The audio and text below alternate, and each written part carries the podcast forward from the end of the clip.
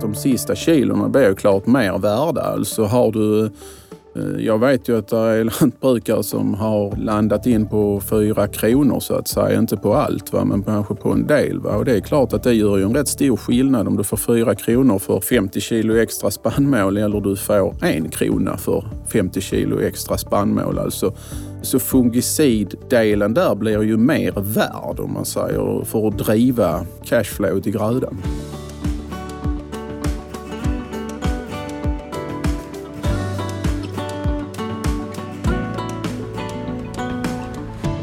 Välkommen tillbaka till Bergers Agropod efter sommaruppehållet. Vi blickar tillbaka på en skördeperiod som i stora drag har inneburit gynnsamma förhållanden och mycket goda skördar.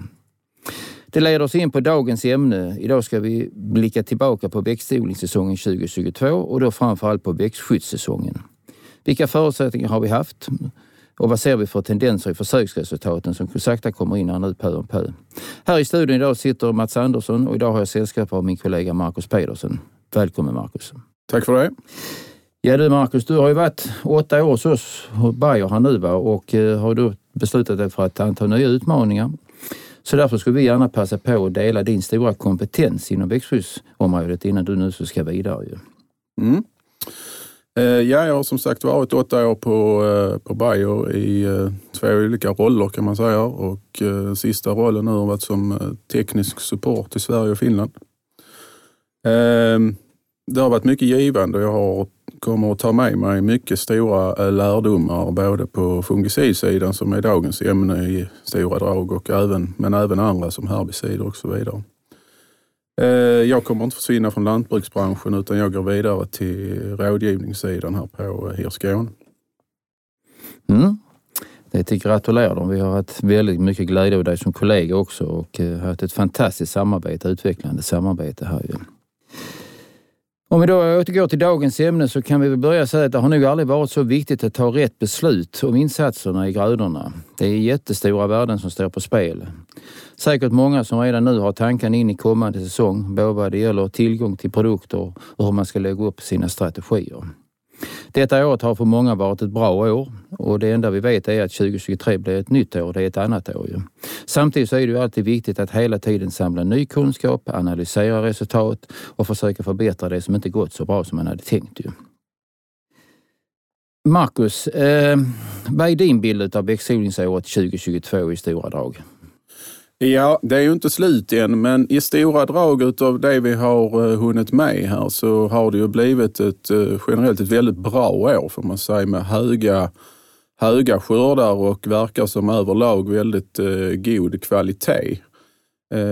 I alla fall på vete till exempel. Sen har det väl varit lite spöke med protein i, i maltkorn och sådär men troligtvis så kommer det, eh, det att gå bra. Och eh, man var ju lite bekymrad kanske där i eh, april när vi hade en torrare period. Inte jättevarmt hade vi inte. Det var ju väldigt bra förutsättningar för vårgrödor så att säga, så korn, vårvete och så vidare. Men det var rätt så torrt och det fanns fält där det var kanske lite svårt att få kväveverkan på, på det kvävet som var utlagt i höstgrödorna. Eh, men överlag ett väldigt intressant och eh, eh, spännande år när det väl vände där i maj och vi fick fortfarande svalt och sen så att nederbörden kom tillbaka och vi fick, fick bra med nederbörd. Mm. Eh, nu har du berört det lite grann hur, hur 2022 skiljer sig från de senaste åren. Det är alltid lätt att man tar senaste året med sig hela tiden. Om, om du liksom ska titta några år tillbaka och se vad, vad var det som skilde 2022? Mm. För det är ju detta man har i åtanke nu när man avrundar. Alltså man kommer ju alltid ihåg det här eh, otroligt tråkiga året 2018 när det blev eh, otroligt varmt och, och torrt här och det egentligen inte, i stort sett inte regnade sedan april. Och den, vi fick ju lite detsamma, samma, eh, samma tendenser här i år. Det var dock inte så varmt utan det var mer nederbörden som, eh, som saknades. Och sen så slog det om lagom till att vi skulle göra flaggblåsbehandlingen, om vi säger här i södra Sverige. Där kom liksom regnen och besluten och köra en svampbehandling där blev ju lättare om man ska säga så, för, för den den uttryckande faktorn i form av regn, den kom va? och det är det som, det som driver så att säga. Va? Eh, tittar man sen tillbaka på 2019 som också var ett år då vi hade väldigt höga angrepp eh, så av eh, svartbricksjuka ska jag säga. Eh, så kan man säga att där började nog angreppen något tidigare för vi hade i min uppfattning var att vi hade vi fick nog lite mer regn i april men vi hade också något kraftigare bestånd efter 2018 och vi hade hade också mer dagg. Eh, kommer ihåg eh, att eh, vi diskuterade då att man blev i princip blöt om stövlarna när om man gick ut eh, under året 2019 i, i veten. Eh, tittar vi annars tillbaka så kan jag säga att vi, trenden tycker jag har varit att vi har haft torrare maj, torrare juni och fått väldigt, väldigt varmt eh, någon gång i juni, månadsskiftet juli, de sista åren som har stannat veten i, i, i stora drag så att säga och även då stannat upp sjukdomen, sjukdomarna och eh, att vi inte har fått de här Eh, vi har fått höga och bra skördar va? men vi har inte fått de sista kilona har så att säga bränts av eller hur man, hur man ska säga. Och det skiljer 22 lite ifrån att vi hade den här torra, torra men dock lite svalare perioden tidigare och sen så bra med, eller hyfsat, eller tillräckligt med nederbörd i maj, juni och eh, lite svalare temperaturer också i juni, juli. Det du berättar nu det är, ju, det är ju viktigt att man också har en, ett perspektiv på säsongerna bak i tiden också. Alltså att man, man ser det här och du berättar om de här skillnaderna och det tror jag man ska ta med sig också. Det enda vi vet säkert är ju att 2023 som vi ska in i snart, det blir ett annat år och man vet ju inte och därför är det viktigt att ta med sig det här ju. Jag vet, du, du, du har ju haft som ansvar att, för, att sköta våra försök. Eh, både planera dem och följa upp dem och så vidare. Och sånt här. Och Ehm, du var ju mycket ute i, även detta året, och tittade på våra svampförsök, både i vete och, börja med det främst. Då. Både våra försök, det var de officiella försöken, vi beställer mycket själv ju.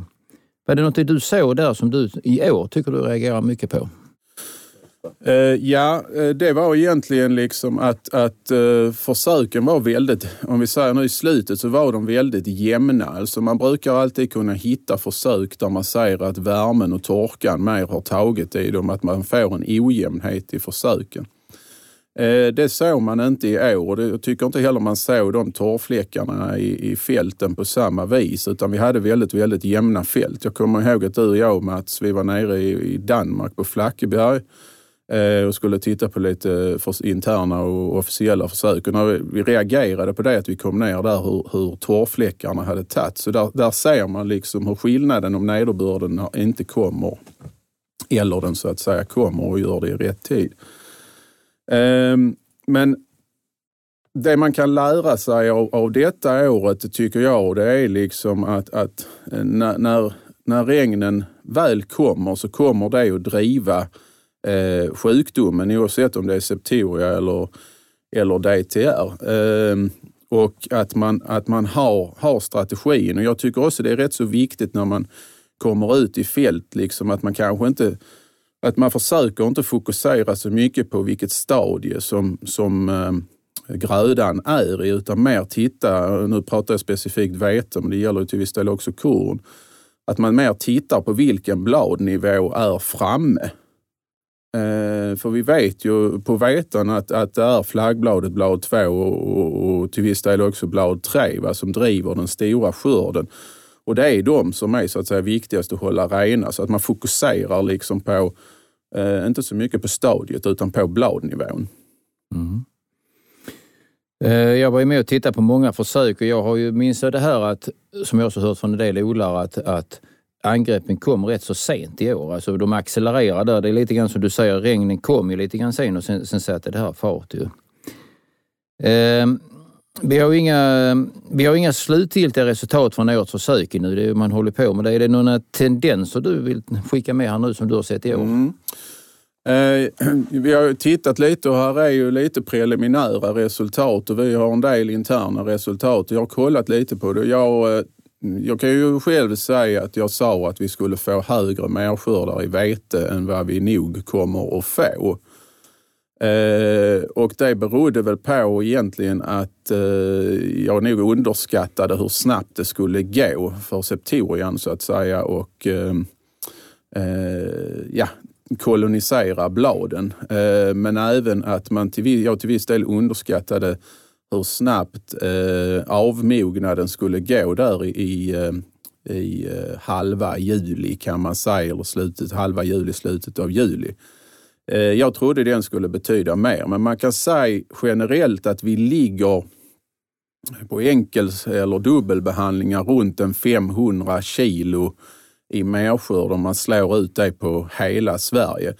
Eh, tendensen verkar vara att vi har något lite högre merskördar i eh, södra Sverige eh, jämfört med eh, Mellansverige, men det hänger ju hänger väldigt mycket ihop med hur, hur pass stort sjukdomstrycket har varit. Så ska jag säga så, så ligger vi kanske närmare än 400 kilo i, i, i Mellansverige eller något därunder och kanske närmare 500-600 här i, i södra Sverige. Men jag hade förväntat mig att de skulle vara högre.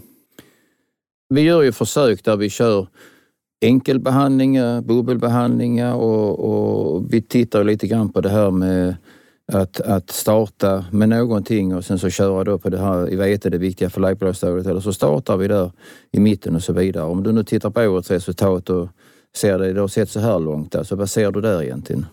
Ja, alltså i stora drag kan man säga att jag ser samma tendenser som vi har gjort de sista åren. Att den här behandlingen i flaggbladet är den som är den klart drivande behandlingen. Eh, en behandling som görs tidigare, alltså på bladnivå, slutliga bladnivå 4, bladnivå 3, den betyder inte så mycket om vi pratar septoria, men det är en helt annan frågeställning om man har gulrost till exempel eller om man skulle ha eh, ha DTR där. Alltså för det är två sjukdomar som driver på mycket fortare än vad, än vad septorian gör. Ehm, och sen kan man också säga att ehm, investera de stora pengarna i en, i en trä, alltså den sista axgångsbehandlingen om vi ska kalla den det. det. Det är nog svårt att få tillbaka dem kanske i år och det har historiskt varit det också. Jag tittade faktiskt lite tillbaka här. Vi, det var 2019 sist om man fick tillbaka det om man satsade lite mer i, i trean. Va? Men det var, eh, det var faktiskt i ett fält där vi hade eh, bevattning också, så det drev på eh, ytterligare. Alltså den stora mängden, alltså, eller huvud, huvuddelen där man ska satsa, alltså kanske 70-75 procent av sina, sin totala fungicidpeng, den ska ligga alltså på, på flaggbladet. Eh, och det stämmer liksom tillbaka egentligen ända ifrån, eh, om vi bortser från 18, men alltså vi har rätt många år där vi kan säga att, att, att eh, där är det. Och det stämmer i år också. Om vi avslutar, bara avslutar detta året, är det någon sjukdom som ökar, minskar och sånt här om du tittar på vete? Nej, det tycker jag inte man kan säga. Detta har väl lite varit ett septoria år i år. Uh, vi har haft en hel del försök som har varit relativt rena. Alltså om jag säger så. Med rena menar jag inte att det inte har varit sjukdom utan de har varit uh, det har varit en sjukdom och det har varit rätt så mycket septoria. Den tog liksom över. Vi hade en del försök där det fanns DTR också men septorian liksom tog över mot slutet så blev dominerande. Sen finns det ju specifika sorter där det har, som har tagit gulrost, givetvis, där det har betytt mer. Eh, så, så detta har varit ett septoria-år. I fjol skulle jag vilja säga att det var mer ett eh, kanske ett DTR-år. Eh, och eh, sen sortspecifikt då givetvis eh, gulrost som har, har eh, om man har misslyckats eller inte varit med där, kostat skörd i, i specifika sorter. Mm.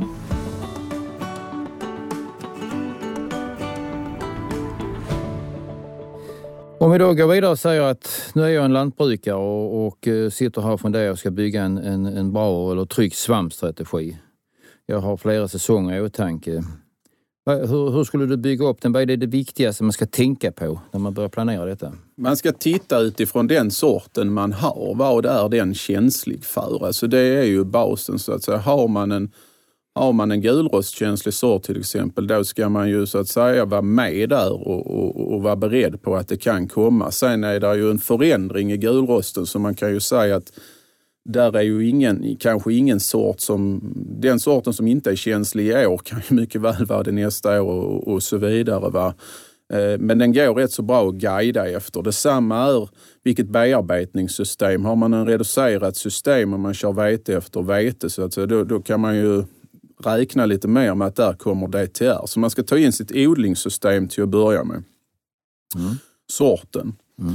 Eh, jag kommer också ihåg 2019 då jag var och tittade på två stycken fält med ungefär 4, 400 meters mellanrum. Samma sort. Det ena var sått den, eh, ja, kommer inte exakt ihåg, 6-7 september den andra var sått ungefär den 17 eller något liknande. Det var en vecka, tio dagar emellan dem. Eh, samma klimatiska förhållanden men en otrolig skillnad i mängden septoria till, det, till eh, fördel då så att säga, eller nackdel hur man nu vill säga för det tidigt sådda. Så de två fälten de behövde ju en helt eh, separat bekämpning, alltså där vi behövde köra en betydligt högre dos i det tidigt sådda för att hantera det angreppet som var utvecklat jämfört med det som var, var sent sått. Så det handlar lite om, om sort och såtidpunkt också. Mm. Eh, utifrån de här faktorerna så bygger man sig sen en strategi. Alltså har man en gulrostkänslig sort eh, eller man har reducerat och eh, vete vete där man kommer att få DTR, då kommer man troligtvis att behöva göra någonting eh, tidigt så att säga. Alltså, möjligheten finns att man behöver göra någonting tidigt och då pratar jag här någonstans blad 3, blad 4. för att stoppa upp de här angreppen innan man kommer så att säga med huvudbehandlingen.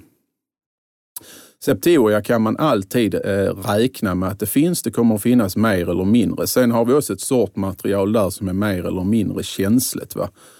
Eh, men där kan ju hända saker med, med materialet också. Att vi får en, eh, ja, man får en ökad, eh, inte tolerans, men minskad, alltså minskad känslighet för, för, för septorian. Alltså att vi kallar det resistensen, att resistensen så att säga suddas ut lite på sorterna. Det har hänt förr och det kommer att hända med de sorterna förmodligen också som är bra idag. Va? Eh, också att man lägger de stora pengarna eller huvuddelen av potten här i 37-39. Det tycker jag att vi har, har lärt oss. Va? Och sen så att man vid behov följer upp liksom i, eh, jag tycker någonstans 61 till, till 65, alltså när veten börjar blomma. Och det är inte för att man behöver köra en fusariumbehandling, men det är för att jag vill skjuta den lite och då får man fungiciderna att hålla bättre. För jag har en väldigt stor respekt för brunrost. Kommer det brunrost sent där så kan den kosta otroligt mycket skörd och det gäller liksom att ha lite koll på den. Eh, och min uppfattning är att vi större delen av sortmaterialet tar mer eller mindre brunrost, så kan man säga. Sen är det året som betyder väldigt mycket om det här blir Eh, problem eller inte. Det finns ju massor med produkter i marknaden. Sverige är väl det land som har egentligen hela paletten när det gäller produkter. Vilka faktorer tycker du med din erfarenhet man ska ta med sig i beslutsprocessen när man väljer produkt? Man måste ta bredden här som jag sagt, alltså sorten, odlingssystemet och så vidare eh, spelar ju in här. Um, man måste ha liksom bredden med sig. Jag tycker det är rätt så viktigt att ha, ha bredden med sig på produkten. Alltså att det finns produkter som är duktiga på rost, det finns produkter som är duktiga på septoria, det finns produkter som är duktiga på DTR. Va? Men att man får liksom hela, hela spannet med sig, för då köper man sig en köper man sig en, en, en, en väldig bredd va? och man behöver liksom inte vara orolig för att jag kommer kanske gå fel om vi mot förmodan skulle få rost i en sort där vi inte hade förväntat oss till exempel. Ehm, det, det, tycker jag, det, det, tycker jag liksom att man, man, ska ha med, ha med sig i, i, i eh, basen. Va? Mm. Eh, pratas väldigt mycket om, du har också bedömt det här eh, bara med, med när man är i säsongen, alltså dos och timing. Nu har vi ju provat, vet jag, väldigt mycket i våra försök också, det här med olika doser och tajmingar. Eh, vad har du sett där? Jag tycker tendensen är eh, något lite detsamma i år. Att den, vi har generellt över de sista åren sett att en något högre dos i, i eh, 37 eller flaggbladet, ska jag säga, flaggbladet, vi ska inte prata stadier, när flaggbladet växer ut eller eh, är fullt utväxt så att säga. Eh, någonstans alltså mellan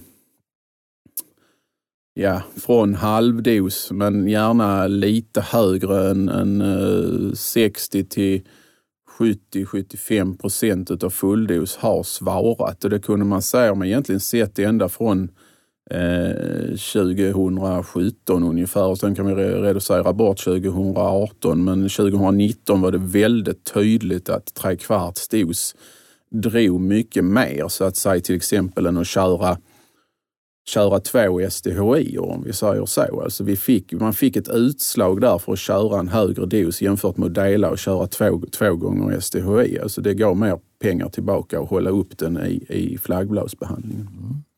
Eh, och den tycker jag följer med här lite i år också, att man kan säga det att det tenderar liksom till att, att det svarar eh, i stort sett oavsett år. Sen kan man alltid diskutera utifrån sort och det enskilda fältet och så vidare, vilken nivå man ska landa på. Men man, eh, där ska man så att säga sätta in stöten.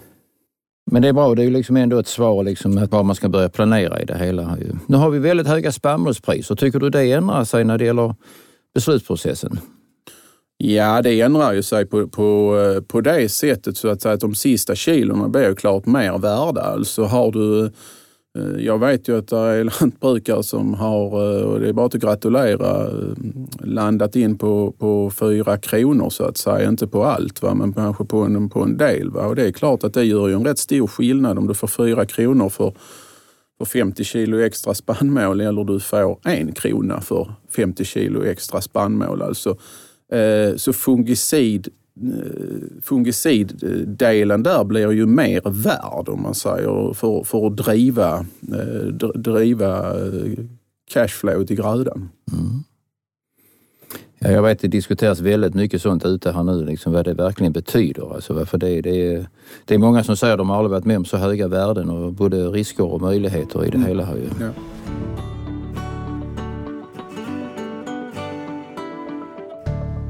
Nu har vi pratat mycket vete. Mm. Jag vet att du sa när vi pratade för ett tag sedan att det ser ut att bli rekordskördar för vårkorn. Om vi tänker korn som en, eh, som en helhet, liksom, vad, har du, eh, vad har du sett i årets kornförsök? Vad tar vi med oss för lärdom därifrån? Och...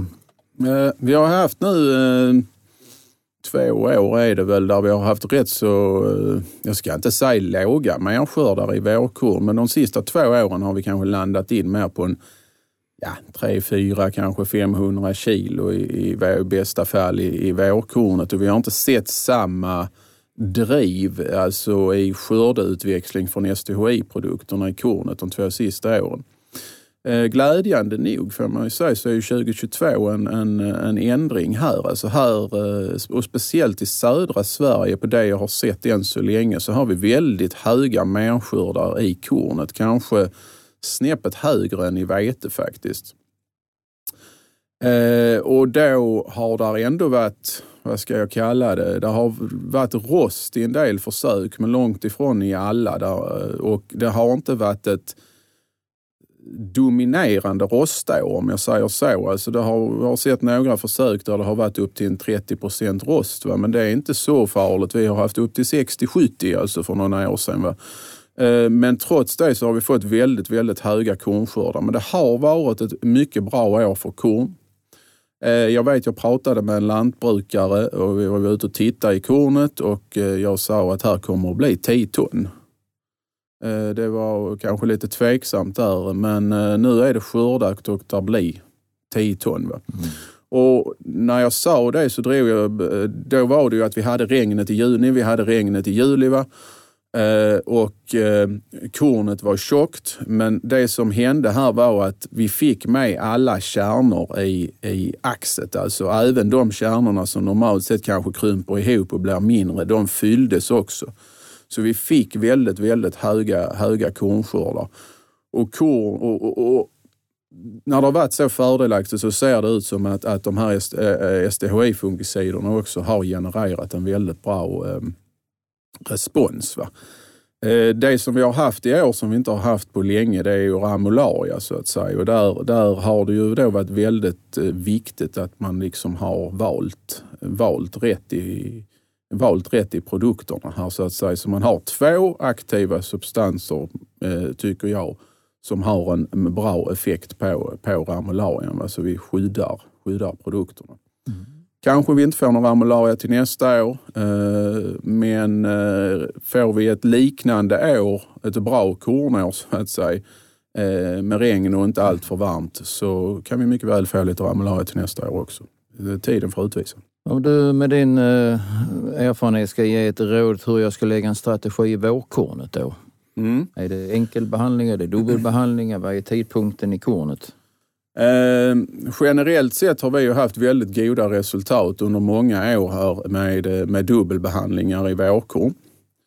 Eh, och eh, det, det har kanske slagit igenom mer i Mellansverige men det har också slagit igenom här i Sydsverige. Vi kan egentligen dela Sverige här i två. Om vi tar södra Sverige så har vi ju mer dominans utav kornrost. Det är egentligen vårt stora bekymmer och ett mindre bekymmer med kornets bladfläcksjuka som är den andra stora sjukdomen.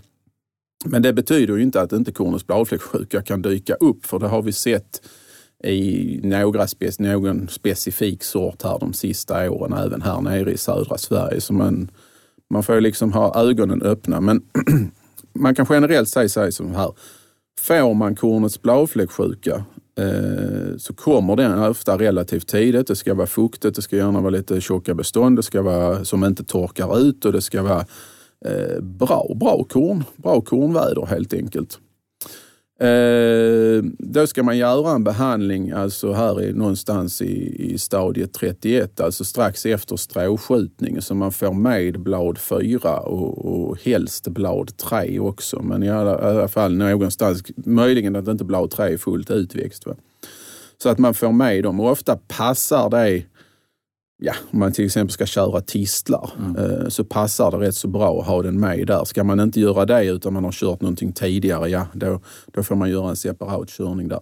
Sen tycker jag att man ska flytta tidpunkten framåt här och då köra en behandling någonstans mellan 45 till 49 eh, och det vill säga strax eh, till dess att borsten börjar titta ut i kornet och där lägger man då SDHI-produkten där för där driver den så att säga dels utav en förgrönande effekt men också att vi får den, förmodligen den bästa eh, effekten på till exempel sent kommande ramularia och kornrosten som också kommer då så sent så vi får produkten till att hålla ända till slutet.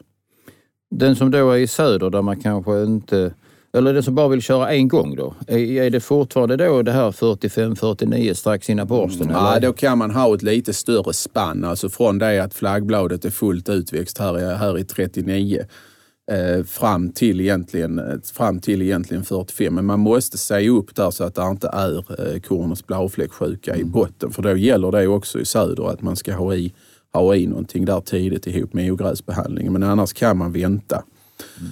Eh, sen är det lite också om man vill kombinera det här med till exempel en tillväxtreglering. Alltså kommer du fram här när borsten börjar att titta ut eller strax innan, eh, då får man ju mer än en en, en, en effekt på eh, själva axknäckningen om vi säger så. Va? Men kör du lite tidigare i stadiet 39 så får du också, du får du också en något kortande effekt även om den, den största delen av längdtillväxten är gjord så att säga. Men du får ändå en kortande effekt där, en viss effekt på, på axknäckningen också. Mm. Det var mycket information Marcus. Så om jag nu ska försöka att summera lite grann här eh, så kan man väl säga att åren skiljer sig åt från alla minst det hemska torra året 18 till det rätt så goda året 19 och i år har vi också fått eh, väl också ett år som har varit bra. Ju. Ehm, du säger att ehm, trenden är att, att får vi torka i maj-juni så tar det lite längre tid innan vi ser angreppen. Men du har stor respekt för att regnen som kan komma lite senare för det kan driva sjukdomarna väldigt snabbt. Ju. Ehm, I år har vi haft rätt så jämna, bra försök. Det har inte blivit i vete de större, jättestora skördeökningarna. Men det har varit inte heller några torkskador. Vi var ju i Danmark som du sa och, och så det här. Och i vete har du ju då betonat att blad 1 och 2 är viktigt att hålla dem friska hela tiden. Ju. Ehm, du har också pratat om att, att eh, när vi snackar om de olika strategierna, man ska titta också lite grann på det här med sorterna. När vi pratar vete här, liksom att börja titta på det. Liksom, vad är det för sort? Lär känna din sort, hur känslig den är. Särskilt kanske med fokus på gulrost. Eh, du ska också ta oss in det här att eh, vad har jag för odlingssystem, alltså jordbearbetning och så vidare. Plöjer jag eller är det minimerad jordbearbetning? Vad är risken för att få sjukdomar därifrån? Och sen har du också nämnt det där att du, eh, du hade det där minnet att när man såg lite grann tidigare så kan man också vara kanske beredd på att det kan komma lite angrepp tidigare också. Det ja. tror jag är rätt så viktigt att ta med sig en sån där sak. Ju. Och när man bygger sin strategi eh, så ska man väl titta lite grann brett och, och se liksom de produkterna som också har breda effekter. Eh, då är det man ju liksom in risk att, att eh, man får överraskningar, eh, har du pratat om. Eh, du har också sagt att eh, du har respekt för brunrost som kan komma sent, för det kan verkligen kosta skörd. Veta är flaggbladsstadiet det viktigaste stadiet där. Doseringen har du, talar du mycket om att utgå från någonstans 60 procent till 75 procent av en normaldos. Och vissa år så, till exempel 2019 så kunde man ju säga att en eh, lite högre dos än då, trekvartsdos, har ju växlat ut betydligt mer. Ju. Och eh, viktigt också det du sa att högre spannmålspriser, det gör ju att de där sista kilona då blir ju värda betydligt mer. Det har man kanske kunnat mer bortse från tidigare, men idag är det så stora värden ju. Korn eh, har vi traditionellt lite lägre mårskördar men i år så ser vi inte den bilden utan det växlar ut rätt så bra i år. Eh, södra Sverige så ska man ha ögonen på kornets bladfläcksjuka, äh, eh, eh, kornets bladfläckar och rost, framför, framförallt rost. Mellansverige är det mer kornets bladfläcksjuka och kornets bladfläcksjuka är en sjukdom som man ska ha ögonen på tidigt. Vet man att man har risk för att få det här eller väderleken är så, så, så är det ofta en fördel att göra en dubbelbehandling där också. Ju. Ehm, du säger också att eh, när vi pratar om timingen i kornet så, så, så om vi då kör i stadie 31 mot eh, kornets bladfläcksjuka, för angreppen kan komma tidigt där, så, så, så lägger vi sen då de här starka STHI-produkterna i 45 till 49 eh, som du också säger går att kombinera med om det är behov av att göra en sån här tillväxtreglering eller en axstärkning. Och är det då en engångsbehandling, de som har gjort det eller gör det, då kanske man börjar lite grann tidigare. Kanske det är 39 till 45. Eh, och sen så ska man ju se upp för, eh, skriver du också bladfläcksjuka i botten. Och vi har ju lärt oss under åren också att i veten så är det de övre bladnivåerna som är viktiga att skydda. Och är det kornet så är det egentligen hela plantan, alltså för den, den bidrar ju mer till skörden här ju. Ja, det stämmer. Ehm, kornet är det både bladen och eh, egentligen eh, själva axet också och strået faktiskt mm. som, som, som bidrar här. Va? Så, ehm, det kan inte alltid så kul med grönt strå när man ska tröska men det, det växlar ut i skörd på kornet också. Det, det gör det. Nu har vi snackat mycket svamp, Marcus. Ehm, framtidsspaning. Vad tror du om svampbehandlingar i framtiden? Vad ser vi där? Eh, jag tror ju att vi kan, eh, det, det beror lite på hur, det, hur, eh, hur vädret kommer här så att säga. Men jag, jag tror ju inte att vi kommer att flytta timing så jättemycket utan vi är snarare att vi kanske kan bli lite mer på beroende på, på vilken sjukdom vi har. Jag tror också att det kommer att komma hjälpmedel som kan förutsäga eller hjälpa oss att förutsäga vilken sjukdom som kan komma eh, utan att vi med, visuellt med ögonen behöver se det. Eh, och lite längre fram kanske till och med någonting som kan göra detta i fält till oss. Det hade ju varit eh, otroligt, eh, otroligt bra. Mm. Sen är det ju frågan också, man ska nog också titta lite på här hur kan vi styra behandlingarna över fälten så att säga, alltså efter någonting. Alltså det, det, ska vi bara komma ihåg. Det viktiga tror jag där är liksom att, att man har med sig biologin för svampen. Alltså för, eh, jag ställer mig emellanåt lite tveksam till om, om, om ehm, beståndets täthet, om man verkligen kan styra utefter det. För man glömmer hela biologin på svampen och jag tror inte att det är hela, hela sanningen utan att, att vi får med oss hela, hela paketet. Då kommer vi att nå väldigt, eh, väldigt långt. Det här är rätt så intressant det du säger för vi har ju ett krav nu att öka det här med IPM och, och vi har ju också ofta pratat om att istället för generella råd med en viss dos så är det ju intressant ju om man eh, verkligen kan flytta det här mer från generella råd till fältspecifika råd. Ju. Mm. Och veta vad just mitt fält eh, ja. kommer att behöva här. Ja. Och, eh, en helt annan sån där sak att tänka. Vad tror du om drönartekniken? Vissa tror det kommer att lösa allt. Ja. Ja, så länge man har biologin med sig. Mm. Så, så, och det kan man, ju kanske, kan man ju kanske få där, men om man har någonting i uh, ja, nu säger jag någon form av apparat eller liknande, eller man, eh, till exempel det här QPCR som, som Bayer har jobbat med, att man får liksom en, en, en input ifrån fältet, att det finns så här mycket DNA av, av svampsjukdom X då kan jag förutsäga att det bör komma septoria eller, eller gulrost eller vad det nu kan vara så att säga. Eh, och sen förhoppningsvis att vi kan lära oss mer och koppla ihop det här mot ett, mot ett väder. Sen är det alltid väldigt svårt att förutse vädret, va? Men, men att vi får, vi inte glömmer biologin, för jag tror det är där nyckeln ligger, att vi kommer ihåg, kommer ihåg och tar med oss biologin in, in, in i det här när vi, Eh, när vi tar in en mer eh, sofistikerad teknik. Nu har jag en sista fråga till dig. Du vet ju också att vi på Bayer testar det här prognosverktyget som, som mäter mängden sjukdom i bladet med den här qPCR-tekniken. Förra året så startade vi i liten skala och har vi då utökat testningen på fler platser med prover. Vad ser du för för och nackdelar med den här QPR-testningen? Det är ju ett sätt att hitta DNA i bladet tidigt mm. innan man ser någonting. Eh, Eh, fördelarna tycker jag är att man kan få lite ett eh, kvitto på vad finns egentligen i de olika bladnivåerna. Om vi säger om vi har en veteplanta utvecklad till stadie flaggbladet framme. Då kan du ju välja att ta till exempel på bladnivå 2 för att se om bladnivå 2 är smittat. Är vi inne i en regnperiod som vi fick nu i år, då är ju rätt så stor risk kanske också att vi, inte från bladnivå 2, men från djupare bladnivå, att vi får en spridning uppåt. Men har vi, vet vi då att vi har smitta i bladnivå 2 så kan vi ju säga att då har vi smitta rätt så högt upp. Och då, är det ju, då kör vi ju faktiskt en kurativ behandling på bladnivå 2 och den bladet betyder relativt mycket. Va? Då behöver vi anpassa dosen efter det. Har vi en smitta som vi hittar först nere på bladnivå 4, ja då har vi ett relativt lågt smittotryck i de, den övre delen utav beståndet som betyder någonting. Och det kan man ju då fundera över hur strategin ska, ska vara, vara där så att säga. Om vi ska mer köra en halvdos och, och har vi det högt upp ska vi kanske köra trekvartsdos, alltså för, för att ge ett mm. exempel. på. Mm.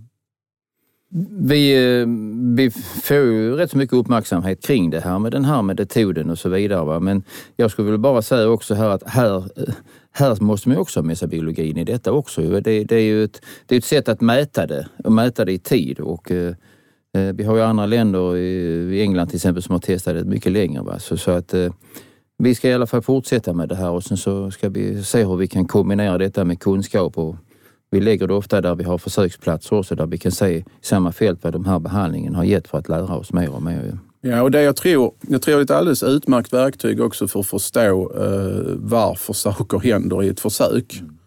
Eh, det man kan fundera över på det här, det är ju hur man hanterar olika fältstorlekar rent provtagningsmässigt. Om du har ett fem hektars fält, ska man, räcker det då så att säga att du tar en, en linje över eller hur ska man ta provet eh, jämfört med om du har ett 25 hektars fält till exempel? Alltså, för att fånga variationerna inne i fältet.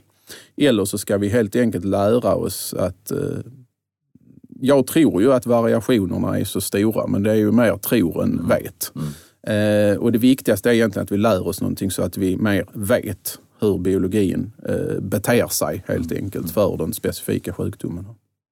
Jag tycker vi har sett så här långt, alltså det, det kan jag gott förstå det här liksom. Alltså man ska ju ha ett representativt prov när man tar det här.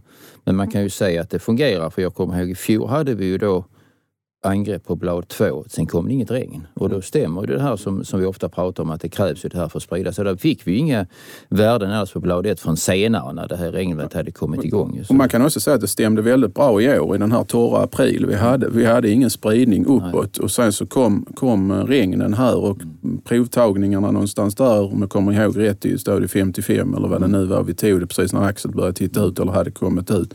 Då började vi se någonting, vilket stämmer med biologin. Så att metoden fungerar, det, det, det kan vi fastslå. Mm.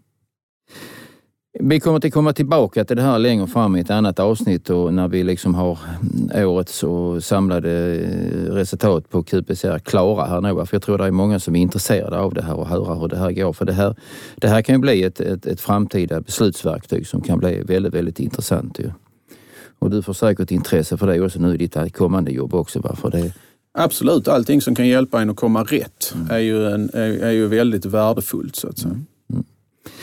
Kanon! Tack så mycket. Det har vi snackat om mycket. Vi brukar också ha en stående punkt som heter att vi ringer en lantbrukare.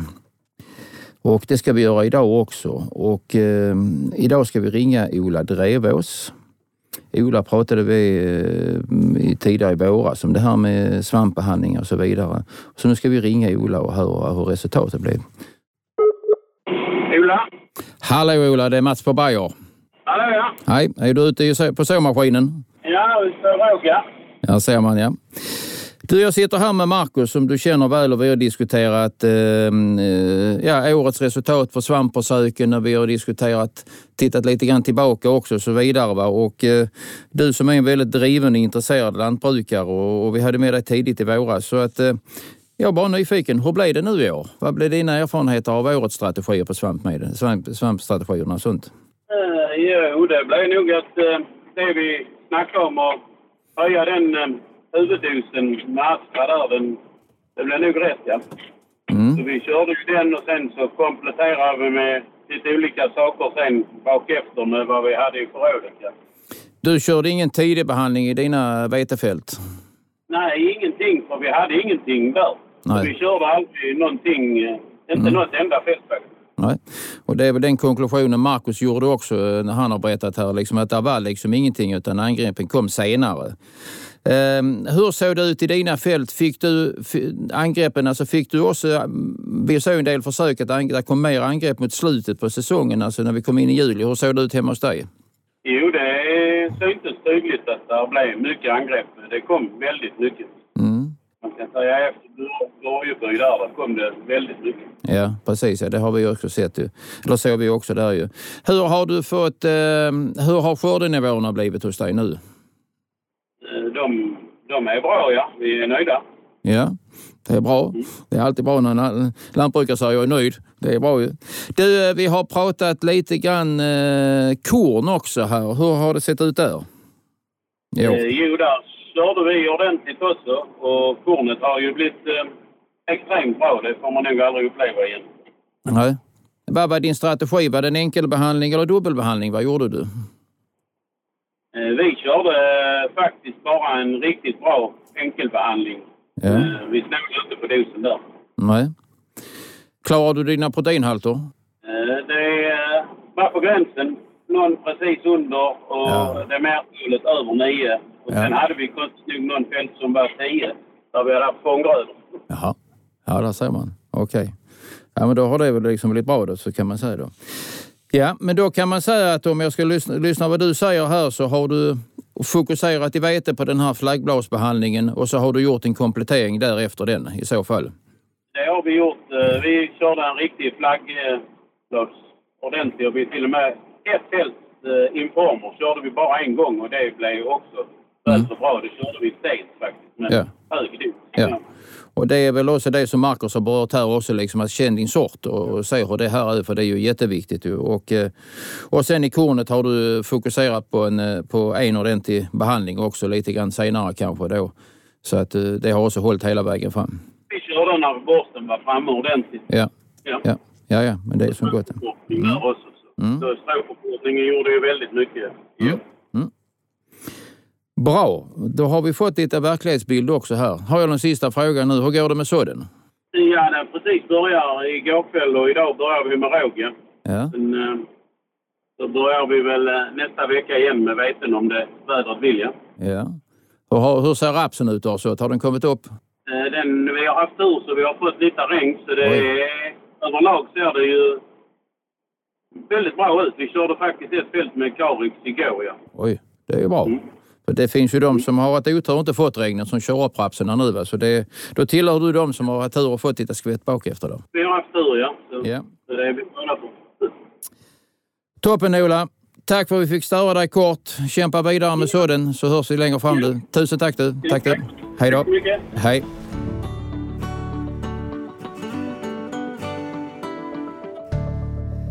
Så, då så har vi fått både synpunkter från dig Marcus, väldigt värdefulla. Vi har hört lite grann hur Ola, han eh, som är ju en eh, väldigt duktig odlare, hur han har tror jag också lyssnat lite grann på dig kanske också, hur han skulle gjort det här. Och det verkar att det har fungerat bra. Han har också egentligen sagt samma sak som du sa, liksom att fokusera på flaggblåsbehandlingen i vete och han har klarat sig med en behandling i korn. Ja. Mm. Ehm, den kompetensen och den kunskapen du eh, besitter inom växtskyddsområdet, den är vi väldigt glada för att ta del av och glada att ha dig som kollega. Och eh, vi är glada att vi kunde få med dig i vår podd här när det gäller detta nu innan du, du lämnar oss för nya uppmaningar. Så tusen tack Marcus och eh, all lycka till framöver. Tack ska du ha. Tack så mycket. Jag kunde, kunde trycka in det här de sista dagarna. Det var väldigt eh, mm. roligt att få vara med. Och till dig som har lyssnat så säger vi tack ska du ha för att du har lyssnat. Det har varit väldigt mycket information i den här podden så jag tror att den tål nog att lyssna på en gång till. Och vi är snart tillbaka med nya spännande avsnitt längre fram i höst. Så låt oss höras då. Tack så mycket.